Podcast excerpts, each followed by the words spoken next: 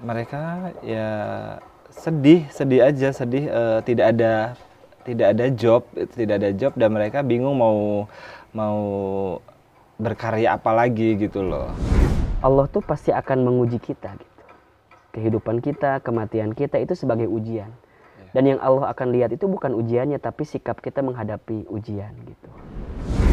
Makanya nanti ujian itu kan ada tiga tuh eh, tujuannya. Pertama, ada ujian yang dihadirkan agar dia bisa naik kelas. Yang kedua, ada ujian yang dihadirkan sebagai teguran. Dan yang ketiga, ada ujian yang dihadirkan sebagai azab atau hukuman.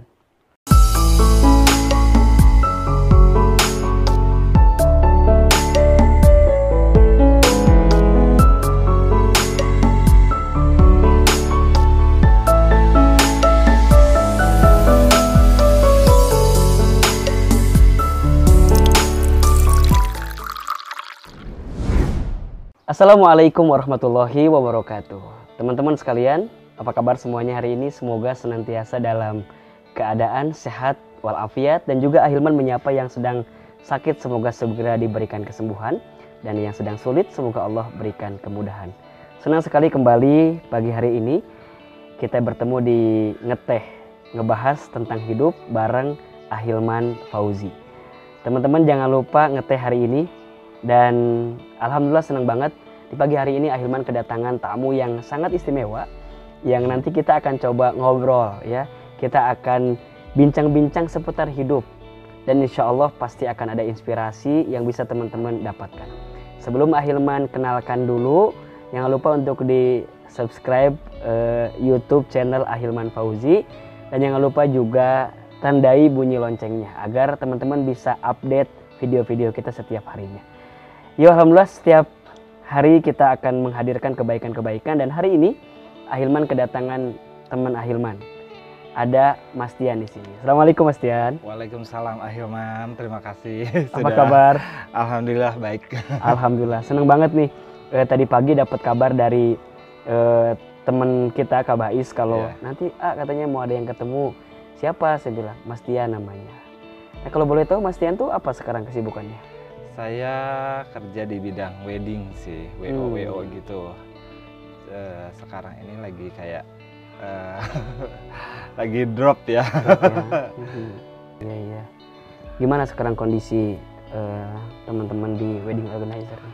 banyak teman-teman tuh termasuk saya juga ya termasuk saya juga eh, kayak lagi kurang banyak pemesanan kurang banyak eh, orang yang pada eh, pesan-pesan untuk acara wedding terus mereka mengeluh tentang pekerjaannya pokoknya pada lagi sedih lah Iya iya. iya. gitu. Udah berapa lama nih kalau boleh tahu? Eh, selama pandemik ini ya corona ini eh, kita kayak udah menjalankan hidup yang benar-benar di bawah dari Mhm. biasanya gitu loh. Mhm.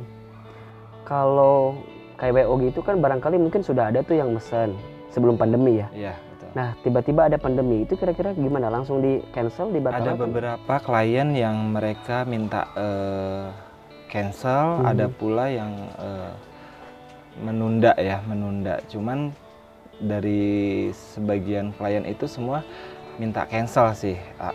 gitu. Makanya kita sebagai dari wedding organizer itu kayak ya mau bagaimana lagi gitu loh. Kita juga belum tahu sampai kapan kan berakhirnya eh, pandemi corona ini gitu. Mhm. Apa tuh yang sering kali diper yang sering kali dipermasalahkan terus yang jadi unek-unek teman-teman apa tuh kira-kira? Kalau boleh tahu. mereka ya sedih sedih aja sedih eh, tidak ada tidak ada job tidak ada job dan mereka bingung mau mau berkarya apa lagi gitu loh jadi masih pada bingung aja dengan job yang sekarang ini mereka keluhkan Iya iya. Ya memang Mas Tian kita kan nggak pernah tahu ya kondisi ini rasanya tidak pernah kita prediksikan juga sebelumnya. iya betul Tapi ya itulah kehendak Allah gitu. Kalau Allah sudah berkehendak dalam satu hal, ya, terutama mungkin takdir Iya. yang buruk dalam kehidupan kita dalam tanda kutip, ya kita nggak bisa ngapa-ngapain juga. Dan memang hidup ini adalah ya ujian ya. Kalau Ahilman selalu melihat bahwa selama kita hidup, selama itulah kita akan diuji. Dan itu sesuai dengan apa yang Allah sampaikan juga dalam Al-Quran kan. Uh, Allazi khalaqal mauta wal hayata liyabluwakum ayyukum ahsanu amala wa huwal azizul ghafur. Jadi Allah tuh pasti akan menguji kita gitu. Kehidupan kita, kematian kita itu sebagai ujian. Dan yang Allah akan lihat itu bukan ujiannya tapi sikap kita menghadapi ujian gitu. Nah, ya mungkin sekarang fasenya kita sedang diuji. Ya, ini fasenya kita sedang dikasih satu tantangan agar kita naik kelas. Iya. Makanya nanti ujian itu kan ada tiga tuh tujuannya.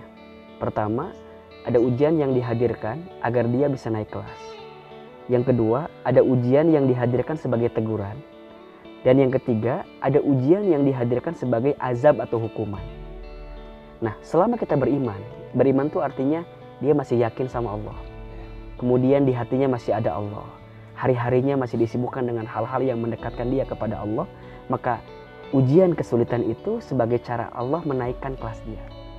Ibarat gampangnya kayak kita sekolah lah. Kalau kita mau naik kelas, kita kan pasti ujian dulu Iya, gitu. betul. Iya kan? Dan kalau kita berhasil melewati ujian itu, maka kita akan ketemu dengan naik kelas itu. Nah, bagi teman-teman IO, mungkin ya khususnya teman-teman WO hari ini, ya ini bukan sesuatu yang mudah.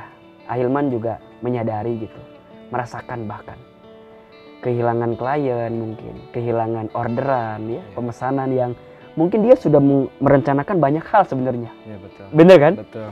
Kalau dari sekian ini akan dapat sekian sekian sekian Sudah, betul. sudah sudah terbayang gitu Sudah kan. terbayang semuanya. Ya tapi ya apa daya gitu. Ya tugas kita hanyalah kemudian menerima ini sebagai sesuatu yang tetap baik dalam pandangan kehidupan kita. Dan jangan pernah sekali-kali berprasangka buruk kepada Allah dengan keadaan ini. Justru yang sulit itu, Mas Dian, adalah saat kita berprasangka buruk kepada takdir yang Allah hadirkan. Berarti kita nggak beriman kalau begitu. Iya. Contoh misalnya begini, kan banyak ya orang-orang yang menyalahkan keadaan gitu. Kok bisa begini sih? Kenapa sih gitu ya? Iya, betul. Sampai kemudian stres, frustasi, dan mengambil jalan yang kurang baik. Iya. Padahal kita semua tahu gitu. Dalam Al-Quran Allah sampaikan, La yukallifullahu nafsan illa wus'aha. Tidak akan mungkin Allah memberikan beban kepada setiap manusia kecuali sesuai dengan kemampuannya.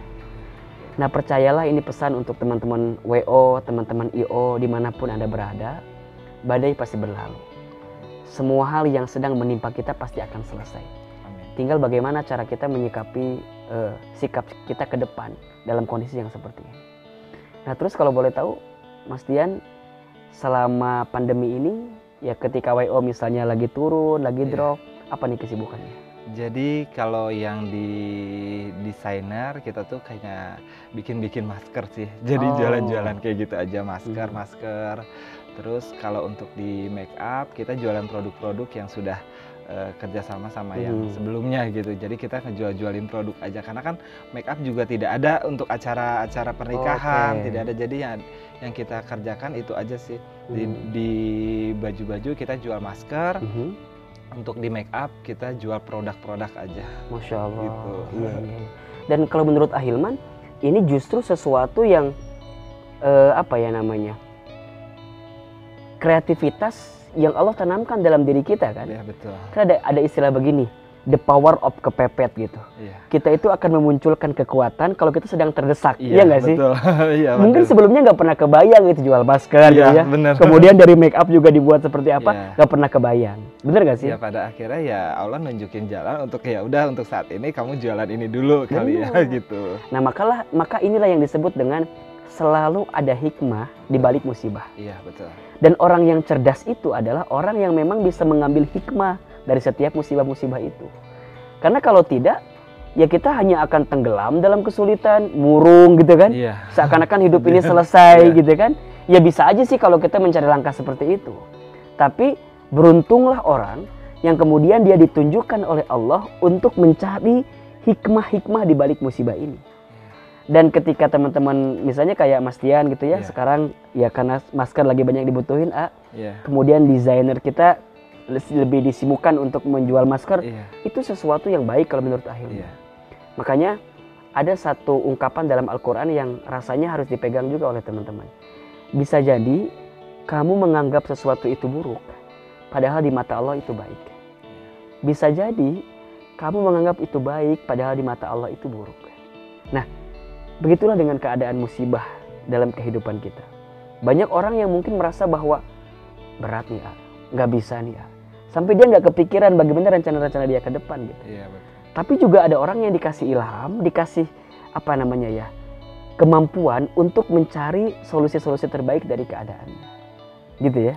Iya betul. Dan itulah kebaikan saat kita diberikan musibah oleh Allah. Makanya kalau dalam hadis Nabi itu pernah menyampaikan begini, ajaban li amril mukmin, sungguh istimewa keadaan orang beriman. Kenapa? Innama amruhu kullahu khair. Setiap perkara yang datang bagi orang beriman itu semuanya baik ya Mas Dian. Iya. Ketika dia dikasih kebahagiaan, maka dia bersyukur. Ketika dia dikasih kesedihan, ya, keburukan, maka dia bersabar. Nah mungkin sekarang sedang pada level bersabar gitu. Iya betul. Iya nggak sih? Sabar terus kita bersabar dan berdoa. Iya iya iya. Tetap berusaha tapi. Nah terus sekarang gini, eh, ya ujian sudahlah. Ini kan sudah hampir tiga bulan setengah berarti ya Iya. melewati ini semua. Apalagi kira-kira yang kemudian ya dibayangkan oleh teman-teman dengan kondisi seperti ini. Yang Eh. teman-teman butuhkan tuh apa sebenarnya kira-kira?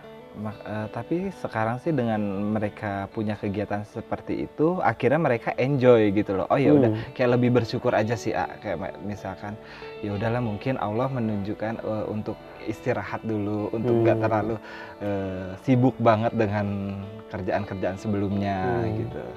Ya itu aja sih. Ya memang pada akhirnya kan syukur itu kadang-kadang bukan hanya pada sesuatu yang kita senangi ya. Tapi syukur itu kadang harus dihadirkan saat kita ditimpa kesulitan dalam kehidupan ini.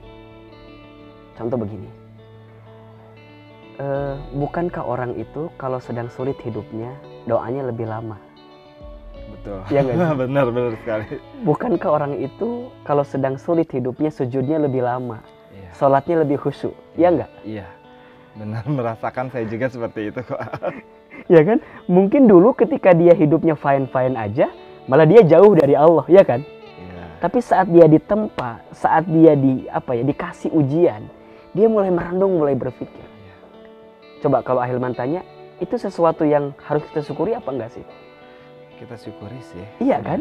sisi lain kita itu nggak harus menyesali setiap kesulitan Iya. hidup dalam diri kita karena barangkali kita bisa menemukan Allah kita bisa apa namanya ya, menemukan rasa-rasa yang mendekatkan kita dengan Allah saat kita diuji gitu Iya, betul. betul kan Betul. makanya beruntung banget kalau orang bisa menemukan Allah di saat dia sedang sulit Iya. tapi sedikit orang yang mencari Allah sibuknya mencari solusi ya enggak Iya, betul. orang nih lagi dikasih masalah, lagi diuji, mereka bukan sibuk nyari siapa yang bisa ngasih solusi gitu. Ya cenderungnya nyarinya ke manusia kan. Iya. Minta tolong ke si A, ke si B, ke si C cerita, gitu. cerita, Cerita ke si Y, ke si ini. Tapi dia lupa gitu bahwa ada zat yang maha memberi solusi Iya. apa pun gitu. Itu Allah gitu. Makanya kalau Ahilman sering kali membahasakan seperti ini. Banyak orang yang percaya dengan Allah. Tapi sedikit orang yang mempercayakan hidupnya kepada Allah. Iya, ada Iya, kan? beberapa teman juga yang seperti itu, A. Jadi kayak eh, aku lebih kayak eh, ya udah kamu berdoa, kamu sholat, kamu ini biar kamu tidak eh, terlalu kayak dibebani dengan pikiran-pikiran yang biar eh, kamu target, kamu harus dapat uang segini, kamu ini. Mhm. Jadi eh, biar itu tuh jadi kayak eh, ini kamu aja lah aku bilang gitu. Akhirnya dia sholat, dia ini lebih kayak deket sama Allah gitu. A. Mm-mm. Terus eh, pas ketemu, oh iya ini eh, memang ujian semuanya. Jadi kita harus tetap bersyukur sama Allah kata dia gitu. Betul. Ada yang cerita seperti itu ke Iya. aku juga. Dan itu adalah saat-saat yang paling membahagiakan. Jadi eh, kata Nabi begini, kalau Allah sedang mencintai hambanya, kadang Allah itu tidak memberikan urusan dunia kepada hambanya tersebut. Tapi justru Allah menghilangkan urusan dunianya. Gitu. Kemudian Allah hadirkan ujian terhadap urusan dunia itu sehingga dengan itu semua dia bisa mendekat taat kepada Allah. Begitu. berarti ahilman kalau sekarang kita dikasih keberlimpahan harta gitu ya banyak segala macam itu bukan menjadi tanda Allah mencintai kita bukan mungkin bisa menjadi tanda Allah mencintai kita selama itu semua menjadikan kita makin dekat dengan Allah. Tapi tidak sedikit orang yang dikasih keberlimpahan malah makin jauh dari Allah iya kan Iya. Wah segala macam ada rumah bagus, mobil mewah, kemudian pekerjaan lagi tap-tapnya. Mm-mm. Malah sedikit orang yang dekat sama Allah. Iya. Di saat yang bersamaan malah dia jauh dari Allah. Makanya ada yang disebut dengan istidroj. Istidroj itu mestian gini, kondisinya adalah orang dikasih kebaikan, dikasih kebahagiaan, tapi dia jauh dari Allah. Iya. Dia menyangka sesuatu itu adalah baik, padahal saat menjauhkan dia dari Allah itu bukan nikmat, itu bukan kebaikan. Tapi itu namanya apa? Istidroj namanya. Ayo, udah saatnya untuk move on. Tapi bukan hanya sekedar move on, tapi harus move up. Ada move on, ada move up. Kalau sudah tidak ada lagi pundak manusia untuk bersandar, maka sudah saatnya sejadah tempat terbaik untuk kita bersujud. Kalau sudah tidak ada lagi telinga manusia untuk bisa mendengar curhatan kegelisahan kita, maka sudah saatnya telapak tangan kita menengadah di hadapan Allah meminta kepada Allah.